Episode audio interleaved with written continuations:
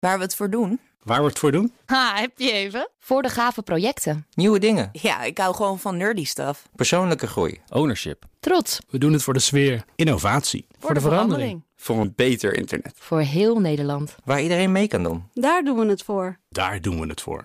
Waar doe jij het voor? Kom werken voor KPN en groei op jouw manier. Check de actuele vacatures op het gebied van data, security, development en networking op jobs.kpn.com/tech. Wetenschap vandaag. We hoorden het net al even in de uitzending. NASA's onbemande Artemis 1-raket is vanmorgen eindelijk succesvol gelanceerd. Vanuit de Verenigde Staten richting de maan. Wetenschapsredacteur Carlijn Meinders, ja, dat is dan toch weer even spannend, toch? Ja, ja, want er was uh, toch weer een beetje vertraging.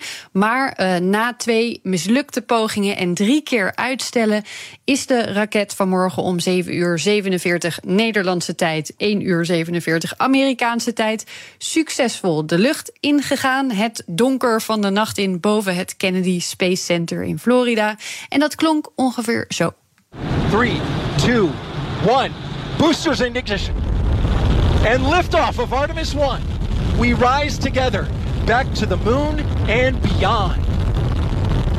Ja, mooi is dat. Prachtig Amerikaans. Ja, ja. En wat ging er ook alweer mis bij die eerdere pogingen?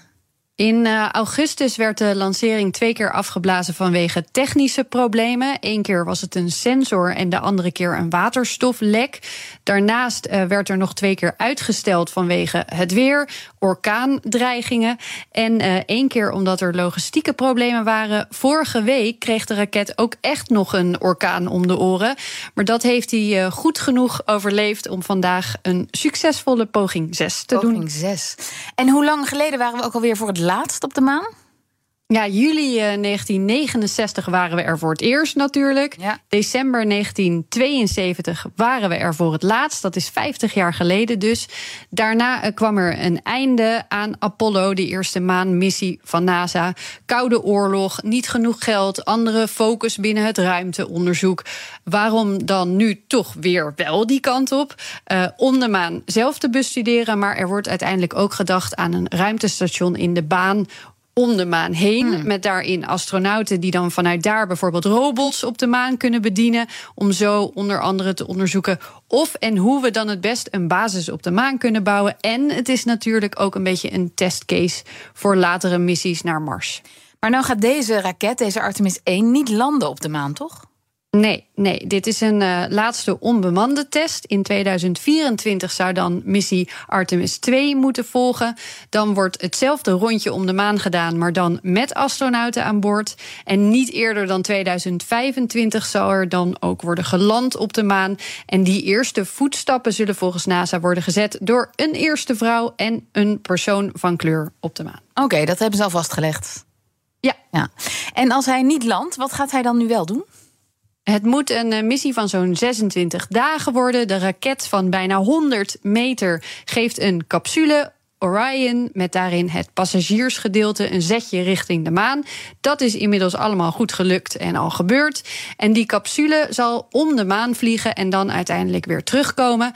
Nou noem ik de hele tijd NASA, maar ESA heeft ook een belangrijke bijdrage geleverd aan deze missie. Philip Schonians, deskundige bemande ruimtevaart bij ESA, vertelt wat precies. ESA maakt in deze missie een, um, ongeveer de helft van de capsule waarmee uiteindelijk de astronauten naar de maan zullen vliegen. Dus de raket is van NASA, maar de, bovenste 10 meter, uh, daar zitten de astronauten in. En uh, ESA maakt ongeveer de helft van. En in die helft daar uh, is de, de voortstuwing, dus de stuurraketjes en uh, zitten in. En de uh, watervoorziening, luchtvoorziening, stroomvoorziening, de zonnepanelen. Dus ja, die houden eigenlijk de zaak in leven. En, en dat wordt allemaal gestuurd naar het compartiment, wat er echt uitziet als zo'n klassieke capsule die we kennen uit het Apollo-tijdperk. Waar dan deze keer vier mensen in zitten en dat wordt door NASA gemaakt.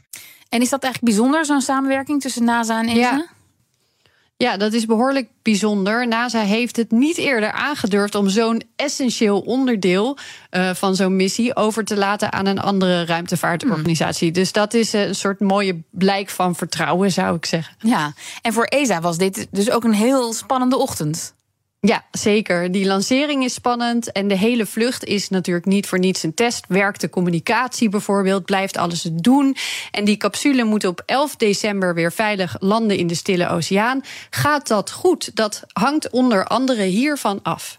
Of je op de juiste momenten ook weer kunt versnellen, zodat je weer aan de maan ontsnapt en terugkeert naar de aarde. En uh, we vinden uh, ook heel spannend uh, om met 40.000 km per uur in de dampkring terug te keren. Dat is gewoon ook een stuk sneller dan je, veel meer snelheid dan als je van het ruimtestation ISS terugkomt wat om de aarde draait. Het hitteschild zal dan temperaturen van iets van 2700 graden te verduren krijgen we willen graag weten of dat, uh, of dat goed gaat.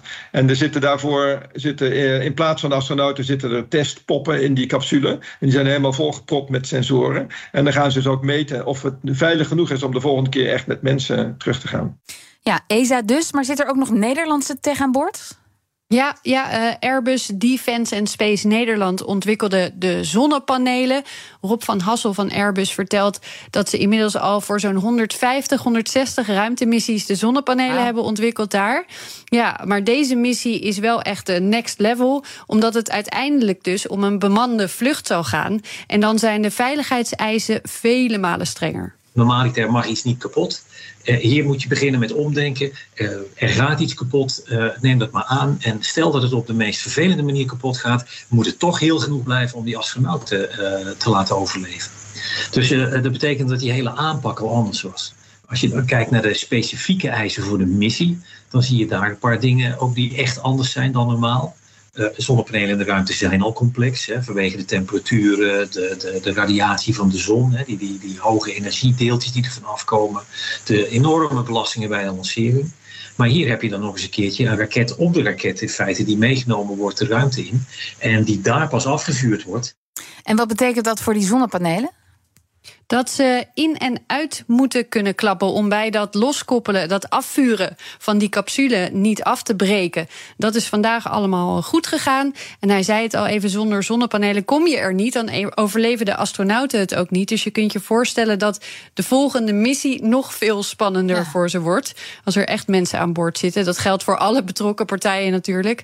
Uh, van uh, deze testvlucht moet daarom ook echt zoveel mogelijk uh, worden geleerd. Dankjewel, Carlijn. Wetenschap vandaag is mede mogelijk gemaakt door Brightlands. Knowledge Crossing Borders. Ook Hugo Reitsma vind je in de BNR-app. Superhandig die BNR-app. Je kunt alle programma's live luisteren, breaking nieuwsmeldingen. Je blijft op de hoogte van het laatste zakelijke nieuws. En je vindt er alle BNR-podcasts, waaronder natuurlijk de belangrijkste, Boeken zijn in de wijk. Download nu de gratis BNR-app en blijf scherp.